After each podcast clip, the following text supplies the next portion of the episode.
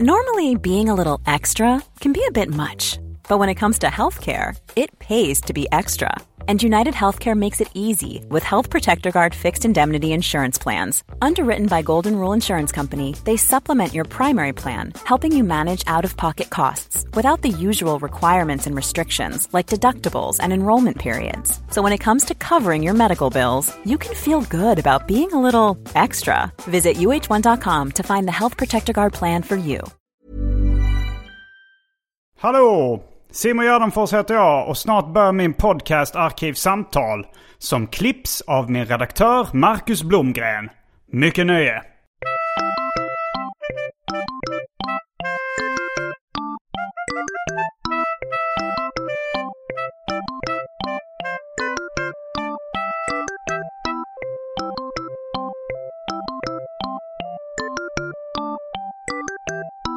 Hej och välkomna till Arkivsamtal. Jag heter Simon Gärdenfors och mitt emot mig sitter Johan Andreasson. Det stämmer.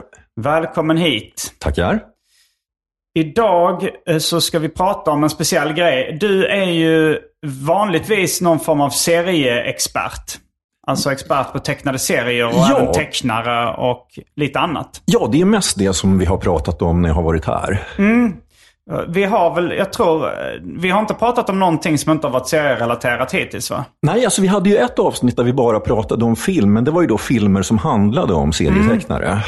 Nu, eh, dagens ämne är nog det minst tecknade serierelaterade som vi har pratat om hittills. Ja, Även alltså om det det- finns vissa seriekopplingar. Det gör det.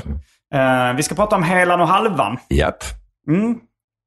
Det, jag antar att du är ett ganska stort fan av Helan och Halvan eftersom du föreslår att vi skulle prata om det. Ja, det är det. Det är sen jag var liten. Men jag har ett minne av att visst är det så att Helan och Halvan dök upp när vi pratade om eh, något annat. Och jag fick intrycket att du också var åtminstone lite grann fan av dem. Ja, alltså jag, de har funnits med mig under hela min uppväxt. Eh, kanske framförallt min mamma och morbror gillar Helan och Halvan. Och jag såg den här långfilmen, en dramafilmen som släpptes för några år sedan som handlar om Helan och Halvan. Och eh, jag är intresserad av gammal humor och underhållning och har sett en del Helan och Halvan i mina dagar. Ja, ja. ja. Eh, Så det är någonting jag är nyfiken på och vill veta mer av. Men jag tror att du kommer nog ganska mycket få hålla i rodret Okej. ännu mer än tidigare avsnitt. Ja, nej, men alltså min gissning är att det här nog ganska mycket är en, en generationsgrej. För att, eh, alltså, alltså jag är född 1960 och när jag växte upp då på 60 och början på 70-talet, då, då, var, då gick ju hela den halvan på tv. Och det var även så att jag som barn gick och såg matinéfilmer, alltså sådana liksom föreställningar med kortfilmer på dagarna. Det var ofta på, på helger. Så kunde de också köra hela den halvan. Ja. Och jag tror att det är så för nästan alla som gillar hela, eller ska, ska man bli hela och halvan-fan så måste man nog nästan ha sett det som barn tror jag. Jag såg det som barn på tv tror jag, eller på VHS. Ja. Men det var liksom när min morbror kom på besök så ville han hyra det på video. Liksom. Det Ja, ja. då VHSen. Så, och det var, det var rätt kul men det kändes ju ändå väldigt gammalt Ja. då. Liksom. Det var ju svartvitt. Och jag vet inte om det spelades in några i färg någonsin med Helan och Halvan. Nej, det har eh, kolorerats. Alltså, om man letar efter filmer så finns det, alltså det finns ju mycket hela och halvan på YouTube till exempel. Och där kan man nog, det de flesta som lägger upp tar nog det svartvita. Men man kan absolut hitta sånt som är i färg, men då, då är det kolorerat i efterhand. Alltså de gjorde ju sina filmer, ehm, alltså de hade en lite så att säga längre karriär än så, men det, det som liksom brukar räknas som de- deras så att säga bra period är ungefär mellan 1927 till 1940. Och jag menar, 1940 fanns det ju färgfilm, men det var inte jättevanligt. Är som dagens 3D-film kanske. Ja. Men eh, innan vi eh, drar igång på allvar med det här avsnittet så har det blivit dags för det omåttligt populära inslaget Välj drycken.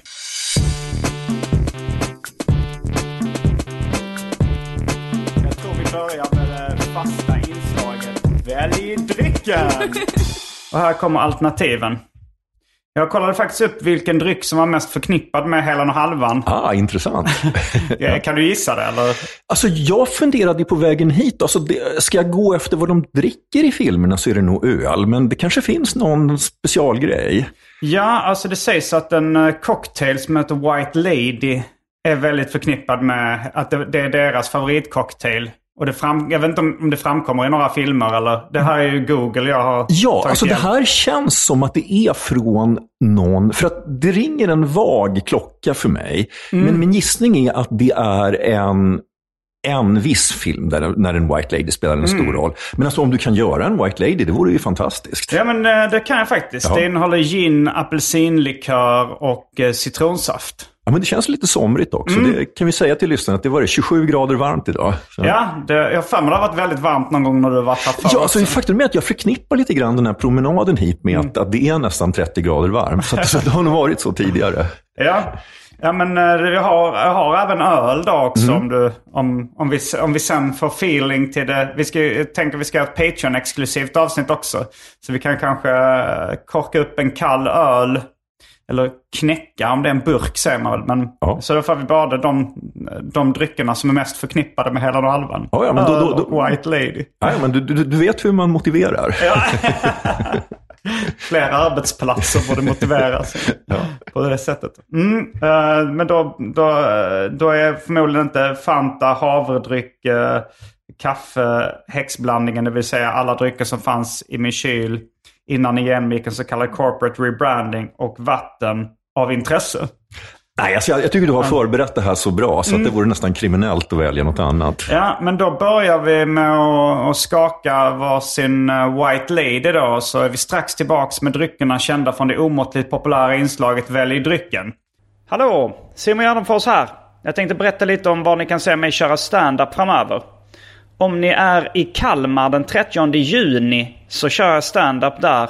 Det är egentligen en hemlig line-up men jag kan avslöja det för er som orkar lyssna på sån här reklam. Och eh, i juli så kör jag i Stockholm den 13 juli. Eh, Kristoffer Nyqvist har en klubb i Stockholm. Eh, Jag vet inte riktigt var man hittar biljetter till det. Men eh, Eden heter stället i alla fall. Sen kommer specialisterna, det vill säga jag, Anton Magnusson och Albin Olsson till Lund. På Lund Comedy Festival. Den andra september kommer vi dit. Och, och där finns det redan biljetter ute till försäljning. Det är ett ganska litet ställe så passa på att köp det.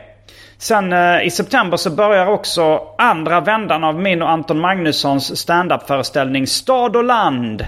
Den blev en eh, succé. Så eh, vi la till lite extra datum och städer. Vi kommer till Göteborg, Hässleholm, Stockholm, Trelleborg, Malmö, Helsingborg och Växjö. Där vi också ska spela in våra stand-up specialer. Så köp biljetter dit så får ni eh, uppleva denna unika inspelning. Så gå in på gardenfors.com och klicka på kalender där så hittar ni alla gig som uh, finns tillgängliga. Passa på nu, biljetterna kan ta slut. Köp! Häng med!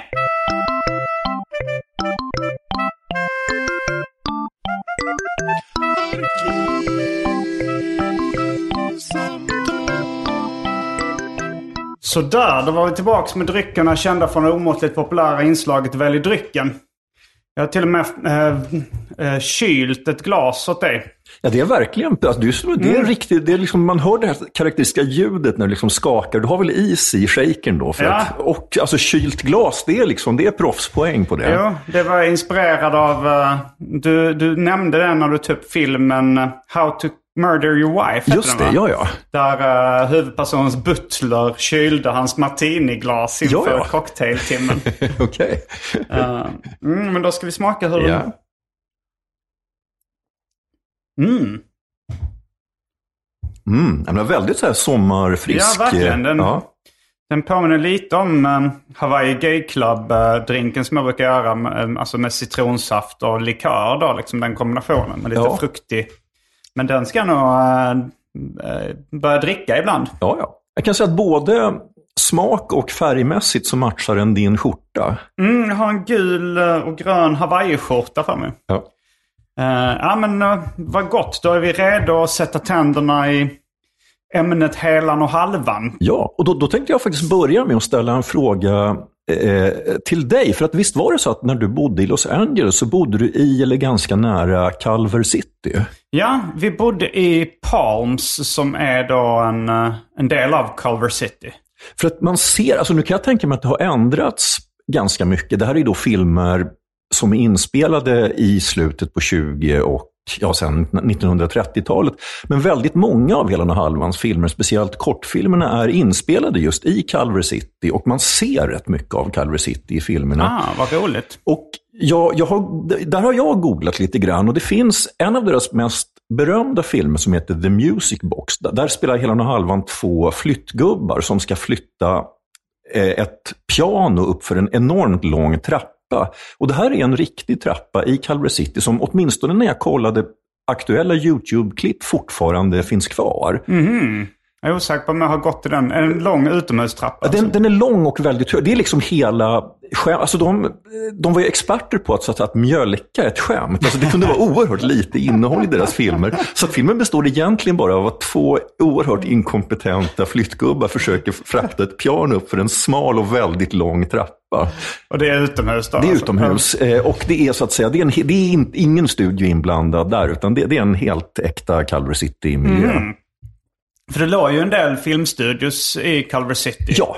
Uh, och jag för mig jag har säkert sett någonting om hela den halvan. Ibland gick man förbi Greda och stod här uh, spelades där och det här in. Och ja. Det var ju till och med någon, vi pratade om Popeye i något avsnitt. Ja. Fast det var nog med i Santa Monica. Det stod ja, det var sånt. Här var, mm. På piren brukade Easy Cigar sitta. Så. Ja.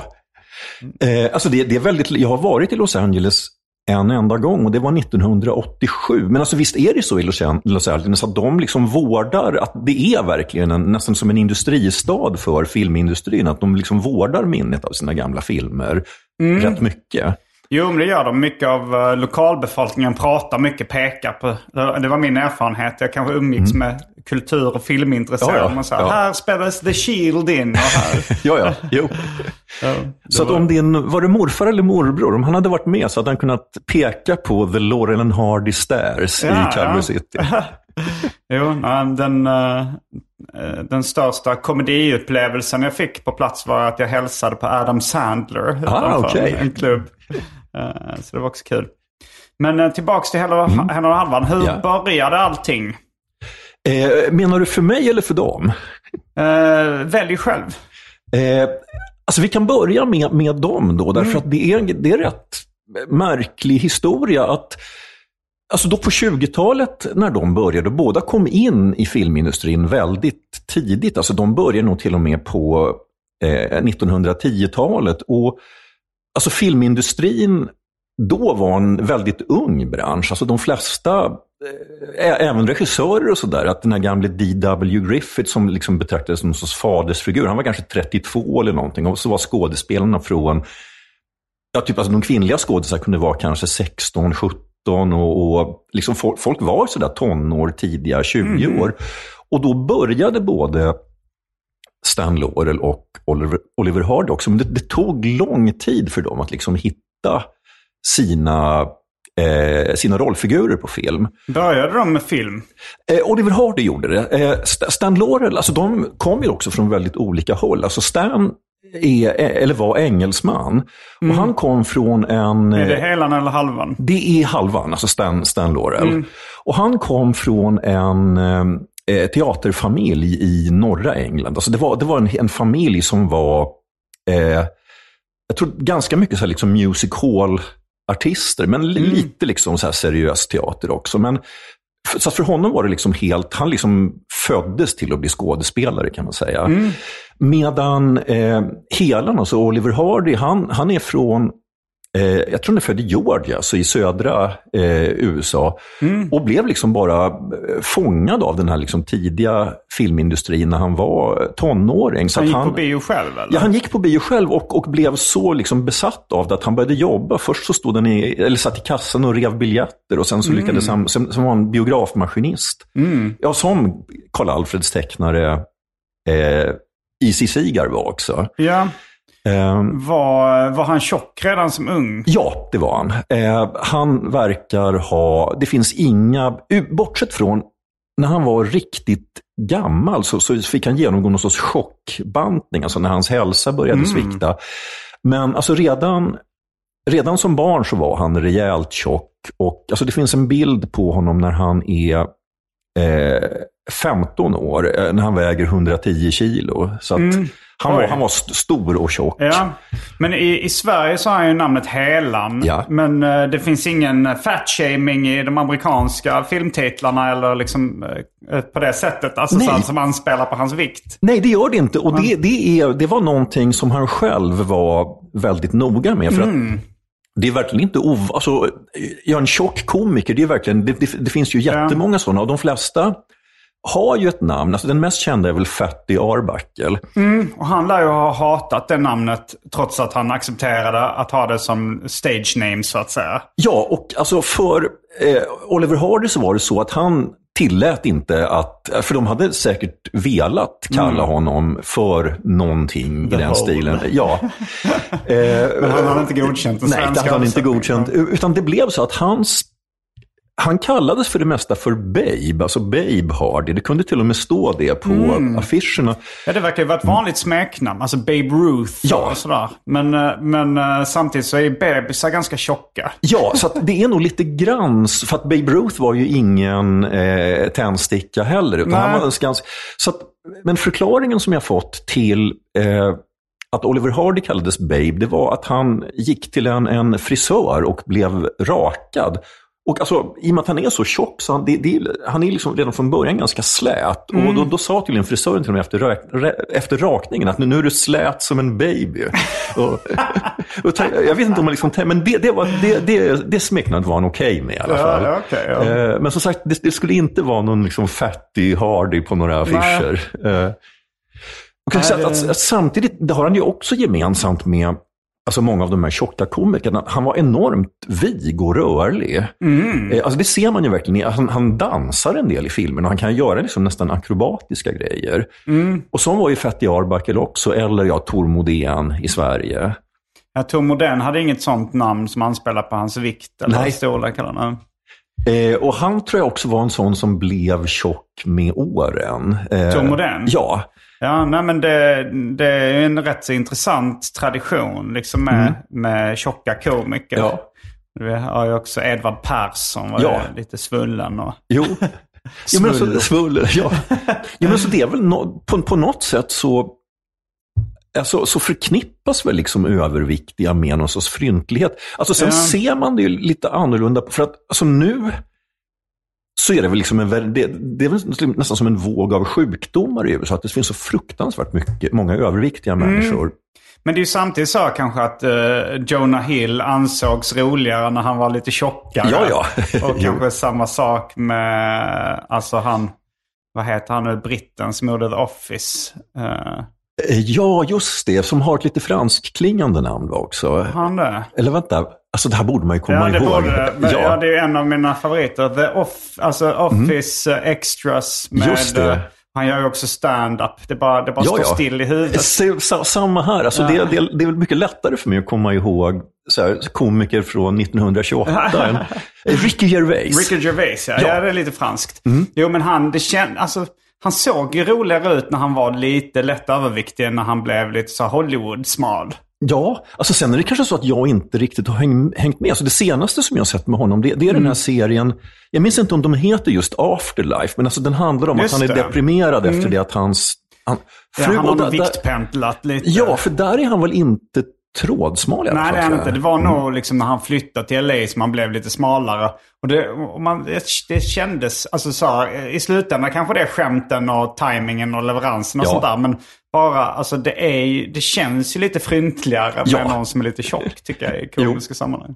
Och sen är det också just det här med att man har ett komikerpar som är fysiska kontraster har ju gamla traditioner. Att det finns ju de här fyrtornet och släpvagnen där en var väldigt lång och en var väldigt kort. Biffen och bananen. Biffen och bananen är precis eh, eh, samma sak. Och det antyder väl också liksom deras namn. De, de, det, fan, det började väl som en tecknad serie. Ja. Eller var det skämtteckningar först? Nej, alltså, jag, jag tror faktiskt att allra först så var det två eh, verkliga personer. Att den här, alltså, Ja. Ri- Rit-Ola som tecknade Biffen och bananen, hans han var ju huvudsakligen verksam som sporttecknare. Och om jag minns rätt nu så var det så att eh, biffen, alltså ursprungsbiffen och bananen var jag, jag jag glömt vilken sport det var, men det var i alla fall två idrottsmän som skulle tävla mot varandra.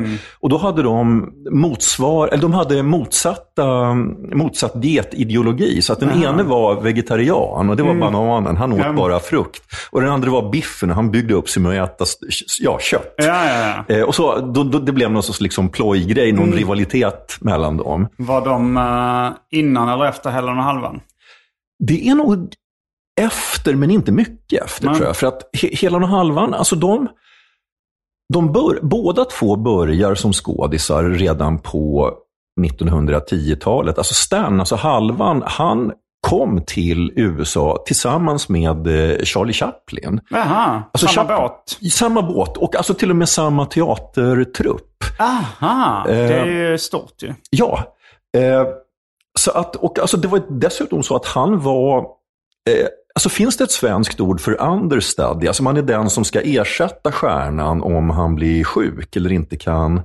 Mm, det vet jag inte om det finns uh, reserv. Ja, skådis- reservskådis eller något. Men det, det var i alla fall att både Chaplin och Stan Laurel var medlemmar i en jag tror det är så här typ vaudeville-trupp, alltså en, en, en trupp med engelska komiker som, som var jättestora i England och som blev anlitade att uppträda i, i USA. Och Stans jobb var helt enkelt att han var, eh, han var Chaplins ersättare. Så han, han, så att säga, det var inte hans första jobb som skådis, för han började redan nästan som barnskådis. Men när, på liksom den här USA-turnén så var hans jobb att kunna hoppa in istället för Chaplin. Så att han började som Chaplin-imitatör. Så Chaplin hade redan breakat i, eh, i England då? Ja, det, det hade han. han. Han var jättepopulär i England och han blev alltså omedelbart när han kom till USA. Han, han blev alltså värvad till filmen nästan direkt när de började turnera i, i USA. De var väl samtida, för jag läst, började läsa någon biografi om bröderna Marx också. Och de berättade liksom när de kuskade runt eh, och liksom sov på tågstationer Ja, ja. och var fattiga och sådär. Så, så var det någon gång de bara sa så här. eh, eh, ni måste se den här killen, det är det roligaste jag sett. Och så var det Charlie Chaplin då som Ja, ja. uppträdde på samma ställe. Och så sa de så här, några månader senare bodde han i ett stort hus i Hollywood. Och, and was dating all the main ladies. ja, ja. Jo. Så det, Mm. det, ja, men jag förknippar dem, alltså med min barndom så var det väl så här, liksom, då, då var det på VHS, var liksom eh, Chaplin, Bröderna Marx och Helan och Halvan var Ja. liksom de stora komikerna på den tiden. Ja, alltså när, när jag tänker då på det som jag såg på tv som barn så kan jag då fylla på med Buster Keaton och eh, Harold Lloyd också. Det, var- det var ju de som man såg Mm. Jo, de kom lite, de fick jag reda på lite senare. Ja. Och i USA var det The Three Stooges, det kanske var ännu senare. Men, Ja, det stämmer. De kommer lite sen. Det är väl så typ 1940-50-tal Mm. och de kanske. har aldrig riktigt få- fått ett svenskt genomslag. Nej, utan det är väl framförallt, alltså jag, eller det är säkert av samma anledning vi båda känner till dem, att amerikanska serietecknare är ju galna i Three, Ja. Three, Stooges. Eh, Just det. Så Robert Crumb eh, älskar Three Stooges. Och, Mm. Men det är väl lite konstigt att just det inte plockades upp av Sverige. Ja, nej, jag har ingen riktig förklaring till det. Um, alltså, på sätt och vis kan man ju tycka att de är väldigt amerikanska just för att de är så, det är så väldigt våldsam humor. att, att, att möjligen om det kan ha klivit över någon tröskel. Men å andra sidan, alltså, herregud, folk tittar ju på liksom, att- alltså tecknad för alltså, Stooges är ju väldigt mycket som tecknat våld. Och Som to- Tom och Jerry. Ja, som Tom och Jerry eller något sånt där. Så, men där, där har jag, inga, jag har inget riktigt bra eh, svar på det. Nej. Eh, däremot då, alltså hela den halvan, det var ju verkligen en stor grej med dem, att de, de blev just enormt populära över hela världen. Det, det är verkligen någonting universellt med, med deras humor. Absolut. De fick ju en egen serietidning i Sverige också. Ja. Och eh, jag gissar på att det finns tecknade filmer med Helen och Halvan. Ja, då, det, det gör det. det. Det var, alltså någon, han var väl någon sorts typ media-entreprenör eller något sånt där. Men det var en man som hette Larry Harmon. Alltså om du minns de där gamla serietidningarna så står det ungefär som det var Walt Disneys Kalle Anka så är det Larry Harmons Laurel and Hardy. Okej, konstigt ändå eftersom de är riktiga skådisar. Ja, men som sagt, han hade, figurer. ja, men han, han hade köpt ett varumärke så att då, då, då var de ägda. Ja. ja, men eh, och, och, och det var inte någon speciell studio då som gjorde dem, eller var det han? Eh, här blir jag lite osäker. Alltså jag har sett ganska lite. Min, det är en stark Hanna Barbera-känsla över filmerna, men jag, jag, jag är osäker på... Alltså det är, det är verkligen tv-animation. Det är, så här, Det är det. Alltså riktigt gammal tv. Begränsade animationen. Väldigt begränsad. Och även serietidningen hade ju något ganska primitivt över sig. Jag har inte läst så mycket Mm. Helan och Halvan serietidning. Men det, jag tror att när jag var liten så hade den redan gått i graven den tidningen. Men Ja. man såg den i begagnade backar på Skivesset och liknande ställen i Malmö. Ja, alltså där, när du säger det att, ja för, för någon i din ålder så var det en serietidning som för länge sedan hade gått i graven. Alltså det här är en, en historia som jag har från Mats Jonsson, alltså serietecknaren. För att vi, vi jobbade ett litet tag tillsammans på serieförlaget Atlantic som inte finns längre sedan en, en, en massa år. Men Mats var i alla fall redaktör för, ja, dels för Galago när, när den fanns på Atlantic, men även för tidningarna... Python och Ernie. Ja, Larsson och Örn. Ja, Jag, jag, undrar om Mats hade Python. Det var nog någon annan. Jo, men han hade Python eh, och Megapython. ah, kort det kanske han hade ett tag. Ja, Jag tog över för honom sen. ja just det. Vi Men, men började jobba ihop då ja, med, med, då hade Python lagts ner men Megapython hade överlevt. ja, och då hade de väl köpts upp av Egmont. Det var ju Just där det. vi lärde känna varandra. Mm, du var redaktör för Mad då. Ja, bland, precis. Eller det var kanske Jo, lite det- andra grejer också. Men Nej, det var nog Mad. faktiskt bara där. Mm, så Nej, vi men- satt i samma rum då. Just det, ja. Nej, men hur som helst där på Atlantic, så det var, det var någonting som Mats tyckte var väldigt komiskt. Det fanns en väldigt gammal vaktmästare där som hade jobbat i evigheter. Och då, i slutet på Atlantic-perioden, det, det, det var ju då när det började gå riktigt knackigt för förlaget och sen så blev det då uppköpt av Egmont. Men då, då fann, och det var mycket prat om att hur, hur ska vi få det att gå bättre här? Liksom? Vi måste göra någonting. Och den här gamle vaktmästaren brukade då föreslå att vi borde starta Hela och halvan-tidningen igen.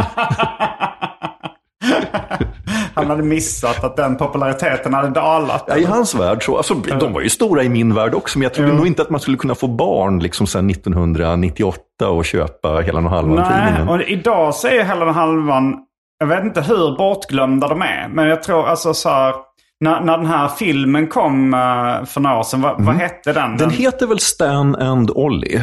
Okej, ja.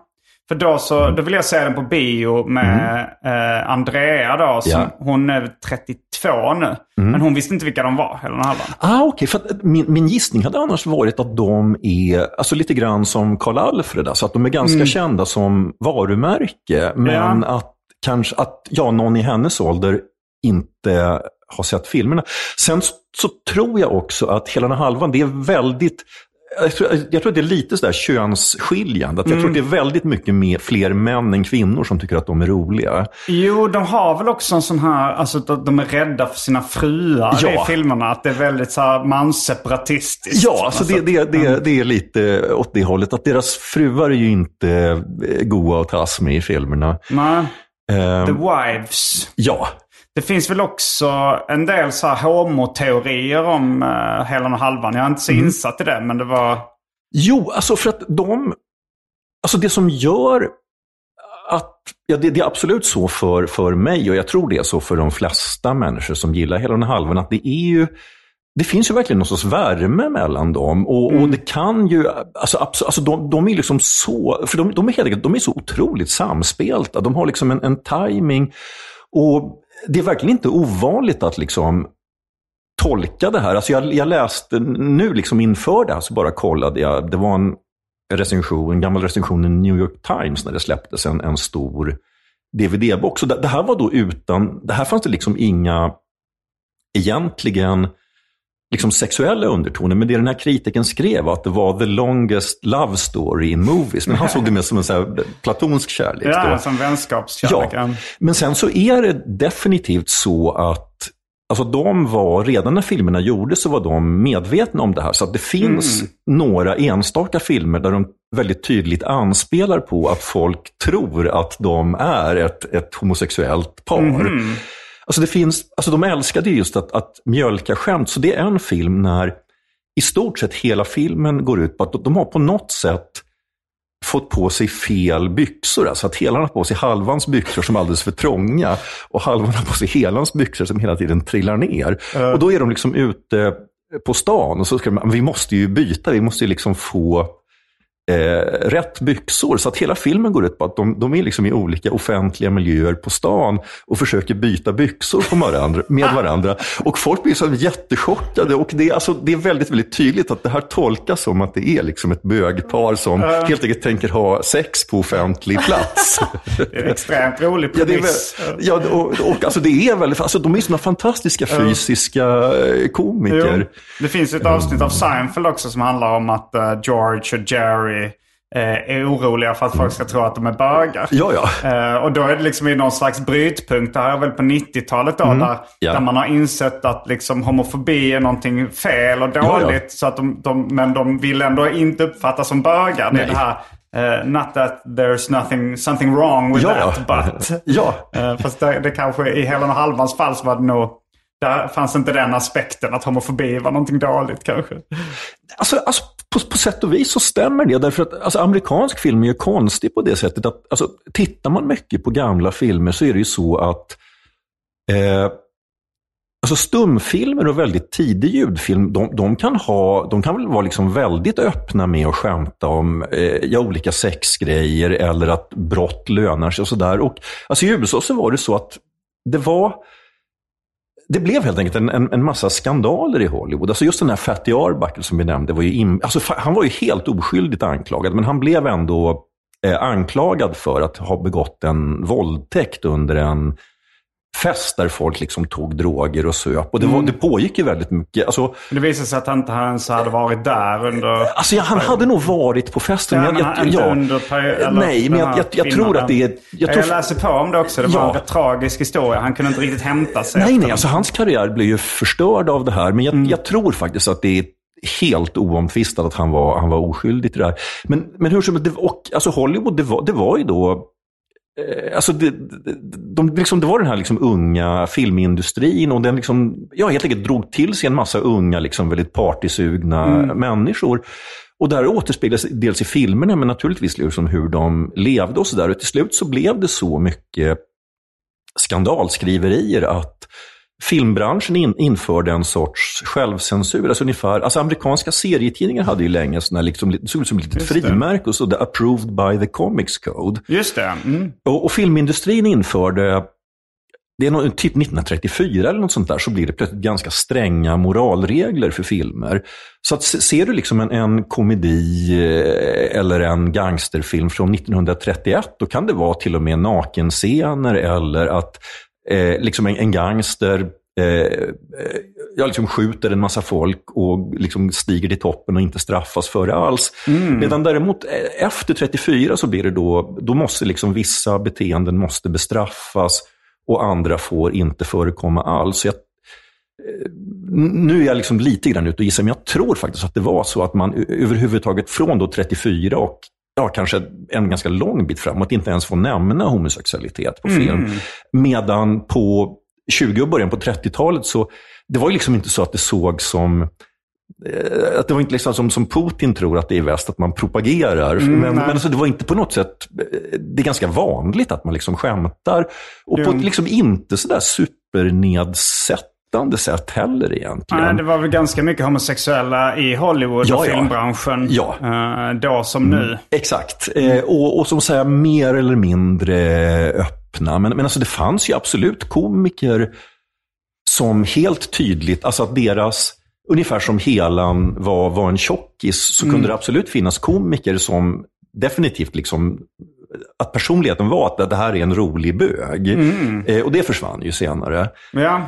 Ehm, men, men för nu ska vi se, vi var någonstans, jag tror jag hoppade fram. Um, vi, vi börjar väl prata, ja, vi börjar ju de homo Ja, just det. Teorierna, ja, ja, eller, ja, ja. Men, men, då, ja, men då, då, då har jag ju liksom kommit till att de redan är ett par och ett så mm. liksom tajt par att det, de till och med kan uppfattas som ett kärlekspar. Mm. Men det här, det här tar ju rätt lång tid. Ehm, så att Stan Laurel, han han hade liksom hela sitt liv någon sorts Chaplin-komplex just därför att han, han kom ju till USA som mer eller mindre någon som kunde imitera Chaplin och som kunde mm. ersätta honom.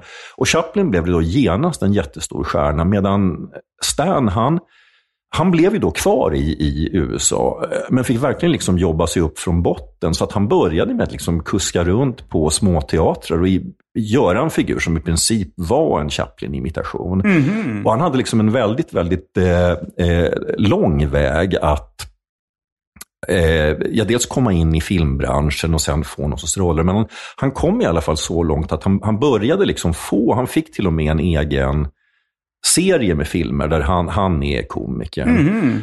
Och var han en Chaplin-imitation i de filmerna? Nej, utan där, där börjar han lite grann hitta sin egen figur. Eh, även om det finns ju länge liksom någonting.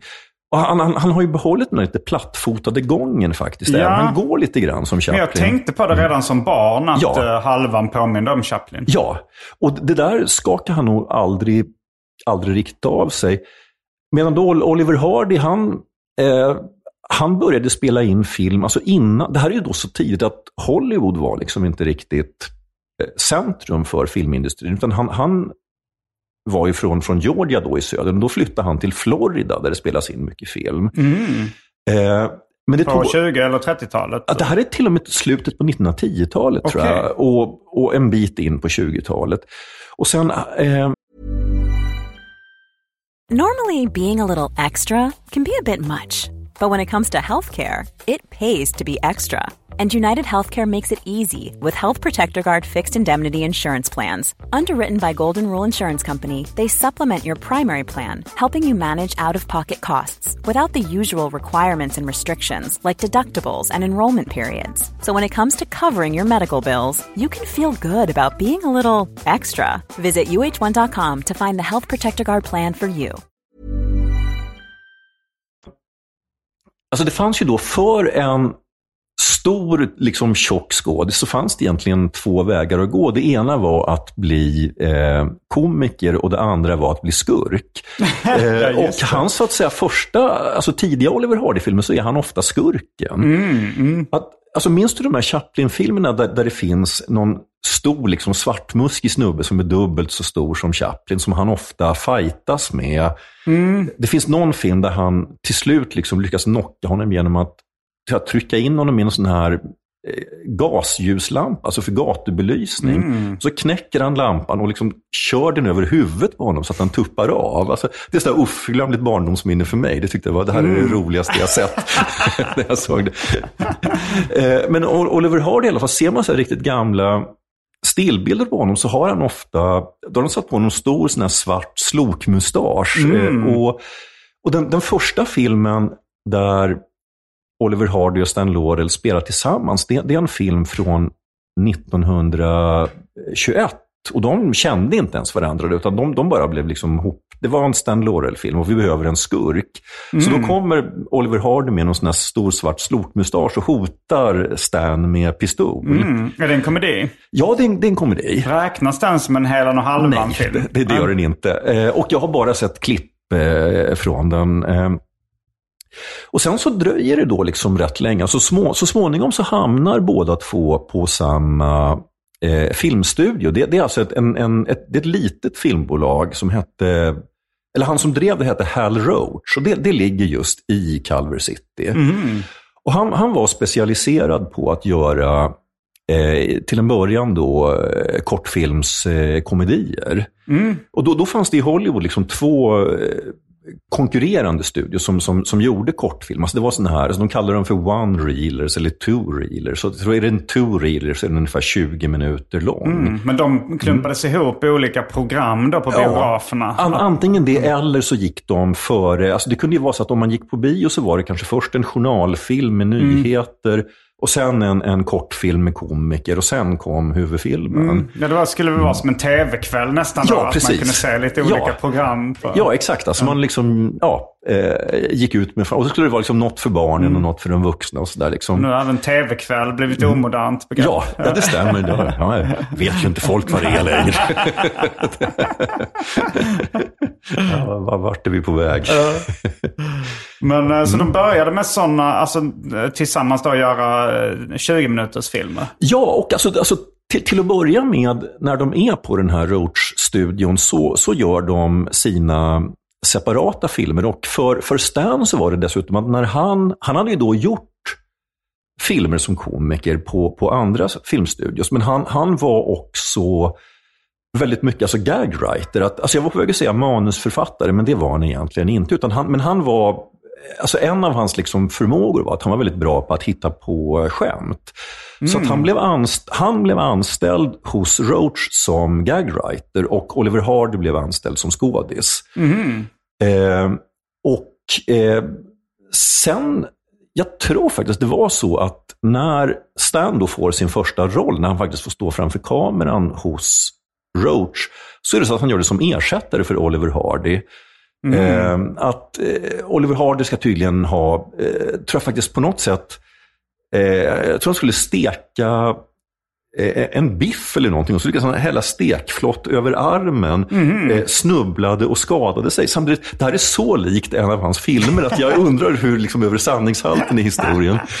Eh, men, men i alla fall, så, så till slut så liksom hamnar då båda framför kameran. Och sakta men säkert så börjar man liksom inse att de har någon sorts eh, kemi tillsammans. Men det, mm. det, det, tar ganska lång tid. Alltså det, finns... det var inte de själva som bestämde att de skulle nej, nej, spela in, ihop? Nej, inte alls. Utan det finns ett antal filmer där man så att säga förstått att det är något kul med de här två tillsammans. Mm.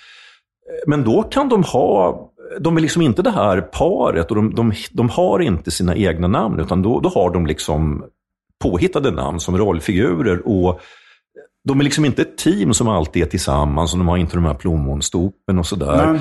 Utan det här, det här går eh, ganska, ganska sakta. Det tar kanske en sju, åtta filmer tillsammans innan de liksom så, så småningom liksom på något sätt börjar eh, smälta ihop för de heter mm. väl, alltså så de spelar olika roller i olika filmer då? Ja, och när man till slut liksom inser, men det här är ett team, alltså nu mm. bygger vi en serie filmer på dem som team, då får de sina egna namn. Så att, alltså i mm, USA så... de heta Oliver och... Ja, precis. Alltså i, i, i, i, i USA så, så kallas ju de som komikerpar för Laurel and Hardy, som är deras mm. efternamn. Och sen så fick de som sagt i över resten av världen då en massa olika namn. Alltså i Sverige hela och halvan. Och, mm.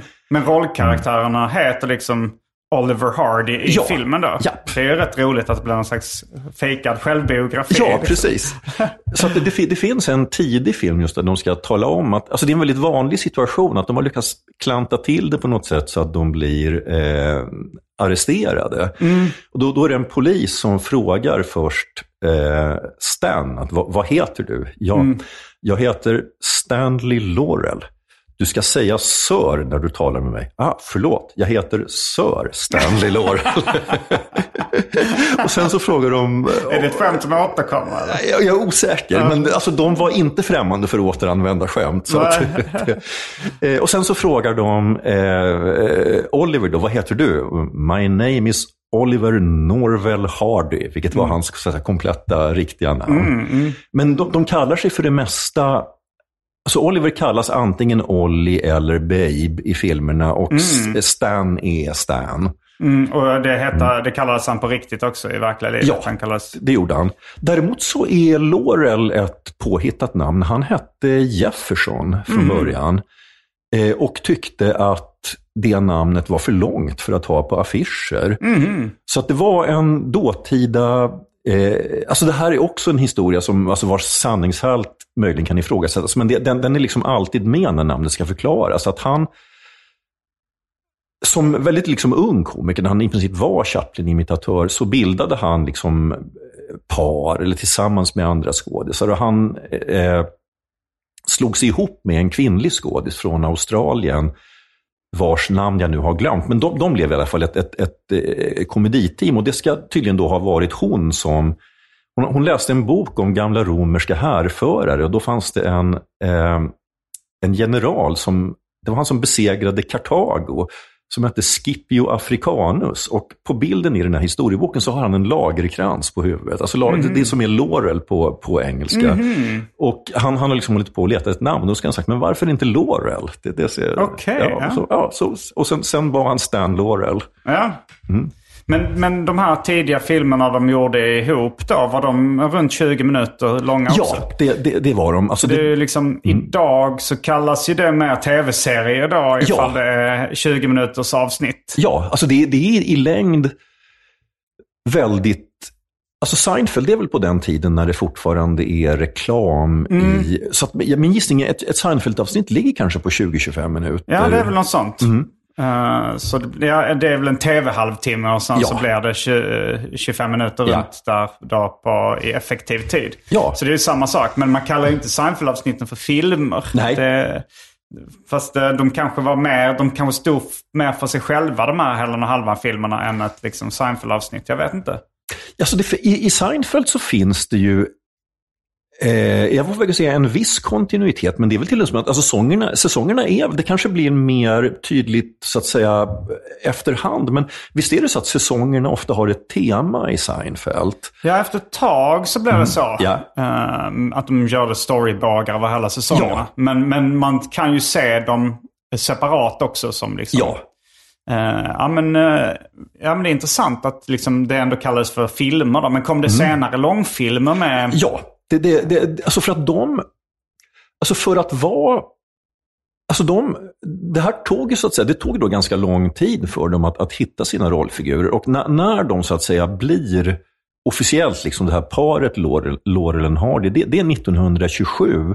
Och det är alltså samma år som den film som brukar betraktas som den första ljudfilmen, The, The Jazz Singer. Mm, med Al Jolson. Ja, precis. Samtidigt så var det inte så...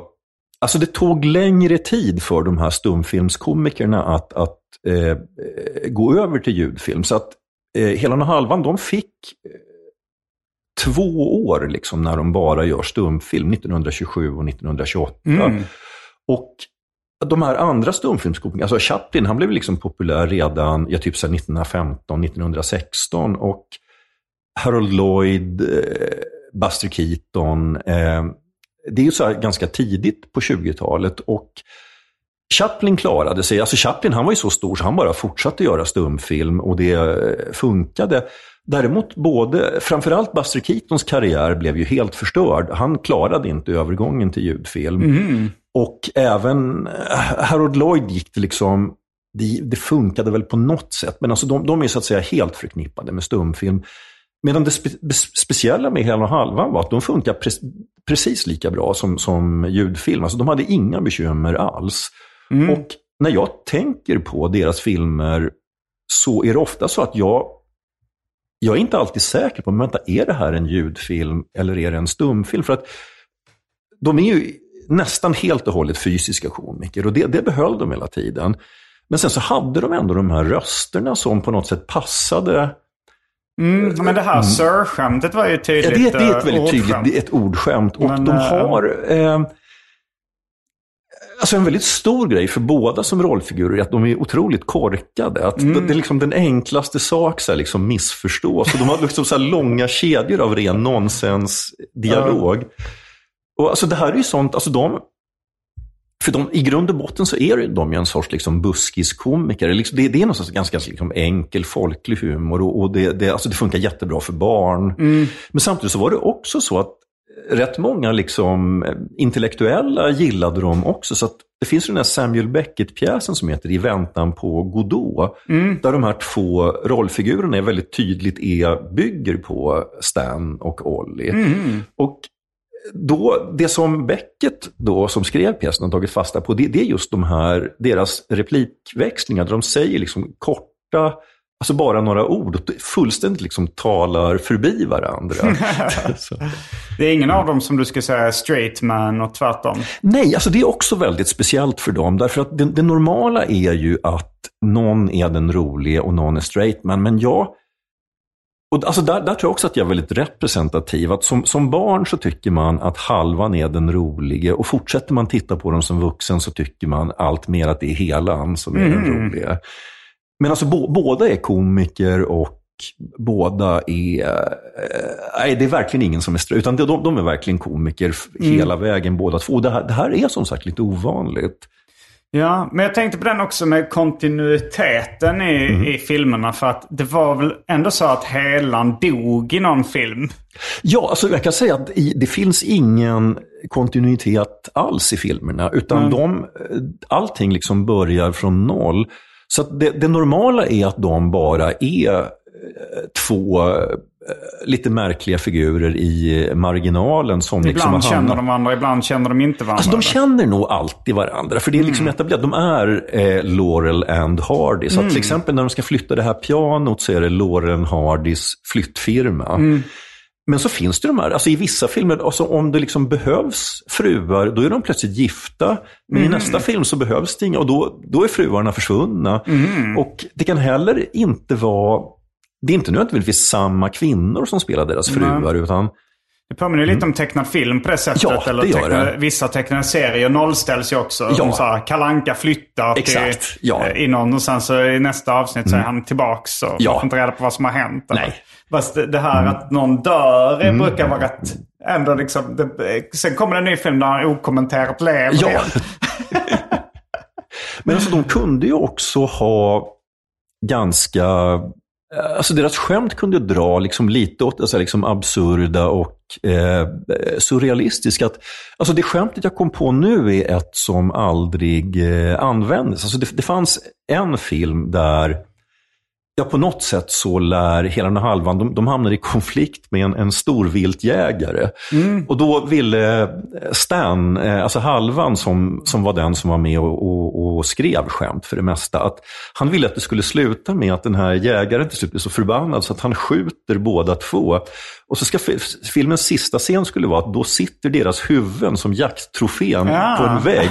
Och så ska helan säga till halvan, Now that's another fine mess you got me into. Men det här fick de nobben av från Aha, filmbolaget. Det var makabert. Ja. Men det, det, det här var också något som, så att säga, eh, gick igenom he, hela deras eh, karriär. För att de var, alltså de var inte bara, liksom, de hade helt olika bakgrund, men de var väldigt liksom olika som personer också. Så att Oliver Hardy var tydligen liksom en, en dröm att jobba med. Han var bara så här liksom superproffsig skådis. Han, han kom till studion, han visste vad han skulle göra. Och när inspelningen var klar så åkte han antingen och spelade golf eller så åkte han till en kapplöpningsbana och spelade på hästar. Medan Stan, han var en sån enorm kontrollfreak. Så att, alltså dels så var han ju då faktiskt ofta med och skrev manus till filmerna. Men han kunde liksom inte släppa någonting. Så att han, eh, han, han, liksom- han gick aldrig hem från studion. Han, sen så liksom hängde han kvar. Han, han visste bättre än regissören hur regin skulle vara. Han hängde kvar när filmerna skulle klippas och liksom la sig i allting. Och det här ledde till ständiga konflikter då med den här mannen Hal Roach som drev studion. Att de hade väldigt så här liksom konfliktfylld arbetsrelation. Eh, och alltså det blev inte bättre av att Stan hade också ett enormt liksom stökigt privatliv liksom utanför filmerna. Eh, och Som innebar... alltså han, han, han var gift väldigt många. Han hade en, han, alltså, som, när han blev liksom ganska gammal, när han var typ 55-60 eller något, då lyckades han faktiskt hitta en, en, en kvinna som han var lyckligt gift med. Och han- De hade verk, men Hur gamla liksom var de när de slog igenom? Då? Alltså de var för den tiden var de gamla. Alltså de var runt ja, 35 eller något sånt där. De var ungefär lika gamla. Jag tror att Stan var två år äldre än, än, än Ollie. Eh, eh, men då, de var ju liksom inte helt eh, lättstyrda. Alltså det normala var att skådisarna var väldigt unga. Det var liksom ganska lätt för eh, ja, olika chefer och sådär att bestämma över det. Men de, de här de hade ju liksom levt ett ganska långt liv. De hade haft, varit skådisar i, i, i 10-15 år. Och Oliver då, han, han var som sagt han var liksom bara en, en, en, en dröm att jobba med. Han, han, ville liksom, han, han, var bara, han var bara jätteglad över att ha fått det här jobbet med fast månadslön. Det gick bra, liksom pengarna kom in, allt var toppen. Han spelmissbrukade inte ens på hästarna. Alltså han, det var lite, lite grann var det så. Att han, han hade en benägenhet att skuldsätta sig. Det var lite grann därför han var så glad att få en fast Ja, ja, ja. månadslön. Mm. Men var det, Mm. ja, den här eh, dramafilmen som kom för några år sedan. Mm. eh, jag har för mig att det var någon av dem som var alkoholmissbrukare. va? Ja, och det är Stan också. Mm. Alltså den, den som hade mycket problem var, var eh, Stan, därför att han hade dels, alltså han var inte liksom svår alkoholist hela sitt liv, men det var mer liksom, i, alltså när det var jobbigt för honom, då, då drack han mycket. Mm. Och han hade också en benägenhet just när, han hade liksom och tre eller om det var fyra ganska korta äktenskap. Som liksom, och det blev snabbt så Hur att... korta? Var de liksom mindre än ett år? Nej, inte mindre än ett år, men inte jättemycket mer heller. Och sen, sen så hade han också en benägenhet att de, liksom, de grälade och så blev de sams. Så att en av fruarna tror jag han gifte sig med två gånger och en av fruarna tror jag han till och med gifte sig med tre gånger. Men då, då var det så att tiden hade liksom inte hunnit gå efter, det hade inte hunnit gå tillräckligt lång tid efter den senaste skilsmässan. Så att äktenskapet ogiltighet ogiltigförklarades därför att skilsmässan... Men han hade liksom ett väldigt så här, stökigt liv. Och, och det, här, det här var då jobbigt för filmbolaget framför allt därför att de visste att de hade en stor publik bland, bland barn. Så att de ville ändå att de skulle liksom framstå som eh, barnvänliga. Och Stan, alltså det var inte... Slog de igenom direkt liksom, när de blev en duo? Blev Ja, de, då, blev då, de stora, då, gick, liksom? då blev de stora snabbt. De blev jä- jättepopulära. Och Alltså inte bara då i USA, utan, utan över hela världen. Men det här med liksom skandaltidningarna, det, det var egentligen bara ett amerikanskt problem. För att med, med då Stan och hans fruar, det, det var inte bara så att hade de så att säga varit hemma och supit och bråkat, det hade inte gjort så mycket, men det var bara att de, de gjorde det liksom offentligt ute på barer och sådär. Och, och det är då i Hollywood, så att han hamnade liksom väldigt ofta i skvallerpressen. Att nu har liksom Stan och ja, den han var gift med då haft ett liksom våldsamt fyllegräl på den och den baren och sådär. och, och det där, så där var det liksom i stort sett hela tiden. Mm. Var Eh. Oliver gift? Ja, det var han. Och alltså han, de var lika på det sättet att båda hade ett antal ganska olyckliga äktenskap. Men att för, för, för Oliver så var det så att han Alltså, han- han, gifte sig som väldigt ung och där, där, där vet jag inte ens om det var något problem. Alltså, om, man, om man typ gifter sig när man är 18-19 så är det kanske inte så konstigt om det inte blir så, så långvarigt. Man. Men sen så gifte han sig med en, en kvinna och hon hade alkoholproblem.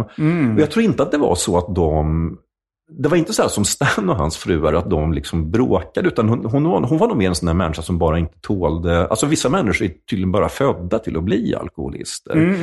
Men, men det, det, var, det var liksom jobbigt för honom. Och då en, en anledning till att han... han liksom, hans dagar var att han, var, han åkte in till studion, spelade in filmerna och sen så visste han att när han kom hem då skulle liksom frun i princip ligga ja, groggy på soffan och dricka whisky. Så att då, då åkte han antingen att spela golf eller till travbanan. Mm, han ville inte åka hem? Liksom. Nej, han, han ville inte åka hem ibland. Men, Sam, samtidigt så liksom verkar de, det, har inte, det var inget liksom att de, att de bråkade eller sådär, men det, det blev bara liksom för jobbigt för honom. Samtidigt, de förblev ju ändå, trots det här, liksom gifta ga- ganska länge. Men, men alltså, bo, bo, ingen, alltså just de här filmerna där, eh, för det, det är inte jättemånga filmer, det finns ändå ett antal filmer där, där de är gifta. Det går nästan alltid ut på att det är, det är ganska liksom jobbigt. Och det, det, det hade så att säga, det var ingen slump att filmerna blev på det sättet. Att det Nej. fanns liksom motsvarigheter i... nej, för det var halvan skrev han alltid manus. Nej, alltså det var, det var ganska många manusförfattare. Så att han, han skrev ganska mycket skämt och styrde rätt mycket hur, hur skämten var. Eh, men sen så var det också så att de, som alltså ganska många komiker, att de, när, när, när de spelade in en film så var det ofta så att det fanns ett manus, men det kunde vara ja, kanske en A4 bara när det står i väldigt stora drag vad filmen ska handla om. Och sen så ägnade de, jag säger förmiddagen åt att de liksom provade, de, de har ju mycket liksom skämt med föremål och sådär. Så att de liksom testade, vad händer om vi gör så här? Och, och det, deras grej var just den här liksom, eh, tajmingen, att de kunde liksom hålla på med sina hattar och, och olika grejer och sådär. Och då liksom så, så, så höll de på eh, och när, när de tyckte att ja, men nu, nu sitter skämten, och då, det, det kunde då ha blivit något helt annat än det som står i manus. Men så, ja, men nu, nu har vi 20 minuter, så nu så kör vi. Och så filmade de på eftermiddagen och sen så var de klara. Och då åkte Oliver och spelade golf, men halvan då stannade kvar och visste bättre än regissören. Liksom, att, ja, men nu ska filmade vi- hela 20 minuter på en dag eller? Alltså det var nog, kanske inte på en dag, men Mm. alltså det var in, alltså de var ju oerhört produktiva. Så att Mm. de, det var inga långa inspelningssidor på något sätt. Men, men när var det blev längre filmer? Alltså var, blev ta- det 90 minuter sen eller var det... Mm, Nej, alltså väldigt, väldigt i slutet. Så, Mm. så, jag tror de gjorde en som, som drog upp mot 90 minuter. Men när, när, när de började göra långfilm, och det kommer ganska tidigt, för att alltså, de blev ju väldigt populära snabbt. Och den första långfilmen tror jag är från kanske 30 eller 31 eller något Och sånt där. långfilmen räknar du då som, hur lång var den ungefär? Det är runt en timme ungefär. Mm, mm. Eh, så det här, det är fortfarande en film, man liksom gick inte och bara såg en hela och halvan-film, utan det här, den här liksom ingick då i en, ja de kallar det för en double bill, alltså det är två, två filmer. Mm, mm, Eh, och det här var väl då den, den kortare av de två filmerna. mm. Eh, och alltså det finns absolut roliga långfilmer de har gjort, men, men alltså jag och tror jag de allra flesta tycker att det är ju eh, de riktigt bra grejerna är ändå, alltså de- deras, liksom typ av humor passar bäst för kortfilmsformatet. Mm. Och långfilmerna är rätt, osa- även när de är bra så är de rätt osammanhängande. Att det är egentligen som man har klippt ihop två eller tre kortfilmer och så har man en långfilm. Det är liksom Mm. sällan någon story som liksom... Eh, Ja. men så blev det väl, alltså jag kan uppfatta att Simpsons-långfilmen var rätt Ja. mycket så, eller Ja. eh, Beavis and Butthead-långfilmen. Ja. Att de är egentligen gjorda för ett kortare format. Sen Ja. gör de långfilmer som Ja. känns som ihopklipp av Ja. avsnitt. Jo, för hela den här halvans grej, det var just mycket att de, de, de liksom hittar en, en rolig situation och så liksom mjölkar de den. Alltså de försöker hitta liksom alla, vad, vad kan gå fel just om man flyttar ett piano eller om man ja, är musiker i en symfoniorkester eller någonting. Och så kör de liksom alla, man kan tappa pianot på olika sätt och ja, liksom stråken kan träffa helan i ögat och sådär. Så liksom kör de alla varianter. Och sen när de har liksom mjölkat den situationen på alla skämt som finns, då bara byter de till något helt annat utan att men vänta, hur gick det här till egentligen? Ja, ah, det är inte så noga. Det, Jo, det är väldigt, eh, påminner också väldigt mycket om tecknad film. ja, det, Alltså det påminner... Pluto Ja, eh, brakar med en krabba på stranden. just och så blir det ja. så här, ja, det, det kan ju vara lite enformigt Ja. Mm. ibland ifall det, inte, ifall det inte är så bra. Men- ja. Nej, men alltså deras grej var just att det blev, eller i mina ögon i alla fall, inte, inte enformigt. Just därför att de, de, har- de har den här liksom otroliga tajmingen. Att, alltså, ja, I och med att du också hade sett den här Stan and Ollie-filmen, för den, om jag minns rätt, visst är det så att den både börjar och slutar med att det är ett nummer just där hela och halvan, de är i vilda västern och så dansar de till ett musikstycke. Just det. Och så kör de så att säga samma sekvens med, det, det är väl han, vad han, Coogan, Steve Coogan är halvan och John C. Reilly tror jag det är som är helan. Mm. Och de har ju lärt sig det här enormt bra, men det är nästan lite taskigt mot dem att de visar den så att säga originalsnutten tillsammans. Därför att alltså, ingen har hela och halvans timing. Nej. Alltså hur bra Steve Coogan och John C. Reilly och båda är ju skitbra skådisar. Mm, mm. Och, och Steve komiker, Coogan är en ja. fantastisk komiker. Jag tror John C. Reilly är rolig Mm. i komedier också. Ja, jag har kanske mer sett honom i lite sådär halv... Han är väl med i Step Brothers och eh, Walk Hard och sådär. Ah, okej. Mm. Eh, nej, för jag, jag, jag på honom nog mer med, kanske inte direkt så dramatiska roller, men inte rena komediroller. Mm, han började som, som, eh, dramatisk skådespelare. Ja, det är nog det som jag sen, sett Men sen var det ja. Mm. kanske Paul Thomas Anderson eller något sånt som eh, upptäckte hur rolig han var ja. privat. Ja. Mm. Som, som tyckte att han borde vara i komedier. Liksom. Ja. Så, ja, så funkar han bara där också. ja. Jag tyckte förresten att den filmen var, var rätt bra. Så vad tyckte du om den? Mm. Jo, men jag ja. gillar den också. Den, eh, nu, nu, var det, nu var det ett tag sedan jag såg den, men uppträdde de liksom på livescener där Ja. mer? Det Eh, kanske liksom passar mer att skildra det än att skildra filminspelningar Ja. på film. Men, men här uppträdde de mycket live också. Ja, det gör de. Alltså, den här filmen, alltså, de, har, de har så att säga ändrat eh, en del liksom, jämfört med verkligheten. Men filmen är så att säga rätt trogen hur deras liv var när de blev äldre. Därför att filmen, den börjar just med ett av eh, såna här återkommande kontraktsgräl me- mellan just Stan Laurel och då den här bolagschefen eh, eh, Hal Roach. Och han, han tröttnade ju till slut. Alltså, eh, till slut så hade, nu, nu hade det blivit liksom en skandal för mycket med Stan, så att han förnyade inte kontraktet. Och han var dessutom, den var ganska... Alltså den här Hal Roach, han var en lite märklig figur. För att å ena sidan så skapade han liksom, det var en ganska litet filmbolag, de gjorde bara komedier. Och han, han var helt fantastisk på att liksom hitta folk med talang. och det är långt ifrån bara hela den halvan, utan det är liksom massor med bra stumfilmskomedier. Och det, det finns alltid liksom en rätt... Den lite så här varma känslan som finns i hela den här halvan filmerna finns alltid i hans filmer. Mm. Eh, han var väldigt bra liksom på att hitta folk som funkade bra tillsammans. Samtidigt så var han också en ganska liksom kallhamrad när det gällde pengar. Så att han, han såg hela tiden till att Stan och Ollie, trots att de var ett par och liksom, de var etablerade som ett par, så de fick aldrig skriva gemensamma kontrakt, utan de gick på separata kontrakt, mm. som dessutom gick ut vid olika tillfällen.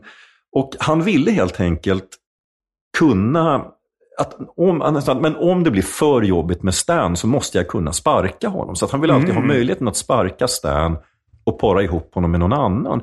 Och det här var precis det som hände. Alltså någon gång i slutet på 30-talet så hade han bara fått nog av Stan. Och han parar ihop med Olli i en annan film. Jag har för mig att det, det är med en snutt det, det är Oliver Hardy, en annan komiker och det är en elefant med i filmen. Just det, det är ju med i den. Ja. Det skildrar de i den långfilmen ja. också. Och sen så insåg jag att men det här går ju bara inte. Så att liksom, hur jobbig Stan än är så måste jag ändå liksom men så blev det ändå så att det blev bara två filmer till hos Roach och sen så hade de fått nog av varandra. Och Alltså inte mm. Helan och Halvan då? Utan... Nej, alltså utan, utan Stan och Roach. Ja. Men, men även då, liksom, ja, de insåg ju då att de, de var ett team. Så att de lämnade tillsammans Roach. Mm. Och då hamnade de på olika större filmbolag och där funkade liksom inget alls från dem. Så att de, de har liksom ett antal år när filmerna blir Men då var de lite äldre också? Ja, de har blivit liksom äldre. Tiden hade kanske sprungit ifrån dem lite? Eller? Alltså li, lite svårt att säga därför att det var egentligen, alltså det, de det fanns liksom ett par tillfällen när tiden borde ha sprungit ifrån dem. Och det första var ju då den här övergången från stumfilm till ljudfilm. Att mm. då, då försvann de flesta gamla stumfilmskomikerna. Det gick liksom hur bra som helst för dem. Och sen kommer det ju då ett antal år in på 30-talet så blir ju liksom komedierna lite mer, jag vet inte om man ska kalla dem typ sofistikerade eller något, men att det bygger liksom, det kommer sådana skådespelare som typ Cary Grant och Catherine Hepburn. Och filmen liksom bygger mer på att liksom smart dialog och sånt där. Mm. Och det är totala mots... Alltså de var ju liksom redan då helt i otakt med tiden, men de, de blev inte det minsta, de blev inte alls mindre populära för det. Och den sista filmen som de gör hos Hal Road som heter A Chump at Oxford där jag, alltså väldigt märklig premiss, men att här halvan hamnar som studenter i Oxford på universitetet i England. Men den är rätt kul och var väldigt, väldigt populär. Så att det här brottet... Är den med... inspelad i England? Nej, det, det, det, det eh, alltså i den här boken som jag läste nu på semestern står det att det är eh, vad hette eh, boken du läste på semestern? Den heter Stan and Ollie, The Roots of Comedy. Mm. Kan eh, du rekommendera den? Ja, den var, den var. Alltså, det, är, inte så liksom supervälskriven på något sätt, men gillar man filmerna så är, så är den rolig. Och om jag minns rätt så beskrev de den här studiemiljön som eh, the cheesiest Studio England ever imagined on film. Va, det är ju rätt roligt. ja. Men den blev en hit också? Den filmen. ja, den blev en hit. Så att, så att det här att det liksom sprack mellan dem och, och Roach var att de till slut, eller framförallt då Roach och Stan helt enkelt inte orkade med varandra längre. Och de, alltså hur mycket, hur jobbigt de än hade det tillsammans så förstod de ändå varandra på något sätt. Att Hal Roach gjorde bara komedier. Han liksom fattade hur komiker funkade. Sen så hamnade hela den halvan, jag tror det var på typ 20th Century Fox och på något annat stort bolag. Och då hamnade de liksom i en stor bara maskin, mm. produktionsmaskin. Mm. Och ingen liksom hajar vad som är speciellt med dem. Och på, hos Roach, där kundstudion var så liten så att Stan kunde liksom gå till chefen och bråka med honom. Men på 20th Century Fox, där satt ju liksom chefen Ja, en, helt annan, det fanns liksom ingenstans för Stan. Och, nej, utan han liksom fastnade någonstans på vägen. Och, mm. eh, vi kanske ska prata mer mm. om uh, deras uh, fall sen. Ja, det kan vi göra. Det har varit lite ja. uppgång. Mm. Uh, för vi har spelat in i över en timme nu. Ja. Och um, vi, uh, ska, vi fortsätter att prata mer om Hela och halvan i det Patreon-exklusiva avsnittet. Och då ska vi även dricka Helen och Halvans andra favoritdryck, öl. Det här måste ju locka alla lyssnare. Ja, ni kan själva korka upp en öl hemma och sitta och lyssna Passa i poddsofforna. ja. Mm, tack för att ni har lyssnat och tack för att du har varit med i detta ordinarie avsnitt av Arkivsamtal den här veckan. Varje vecka så släpper jag ett bonusavsnitt av den här podden exklusivt för er som donerar en valfri summa per avsnitt på patreon.com arkivsamtal. Patreon.com arkivsamtal alltså. Det finns redan över 40 exklusiva avsnitt som du får tillgång till. Så det är mycket kul för valfri slant. Vill du bara vara schysst och säga tack för åratal av underhållning så kan du även swisha en slant på 0760 72 47 28. All denna info finns även i avsnittsbeskrivningen. Och glöm inte att följa mig på Instagram och andra sociala medier. Där bjuds det på gratis skämt och mycket annat. Jag heter Simon Gärdenfors. Jag heter Johan Andreasson. Fullbordat samtal.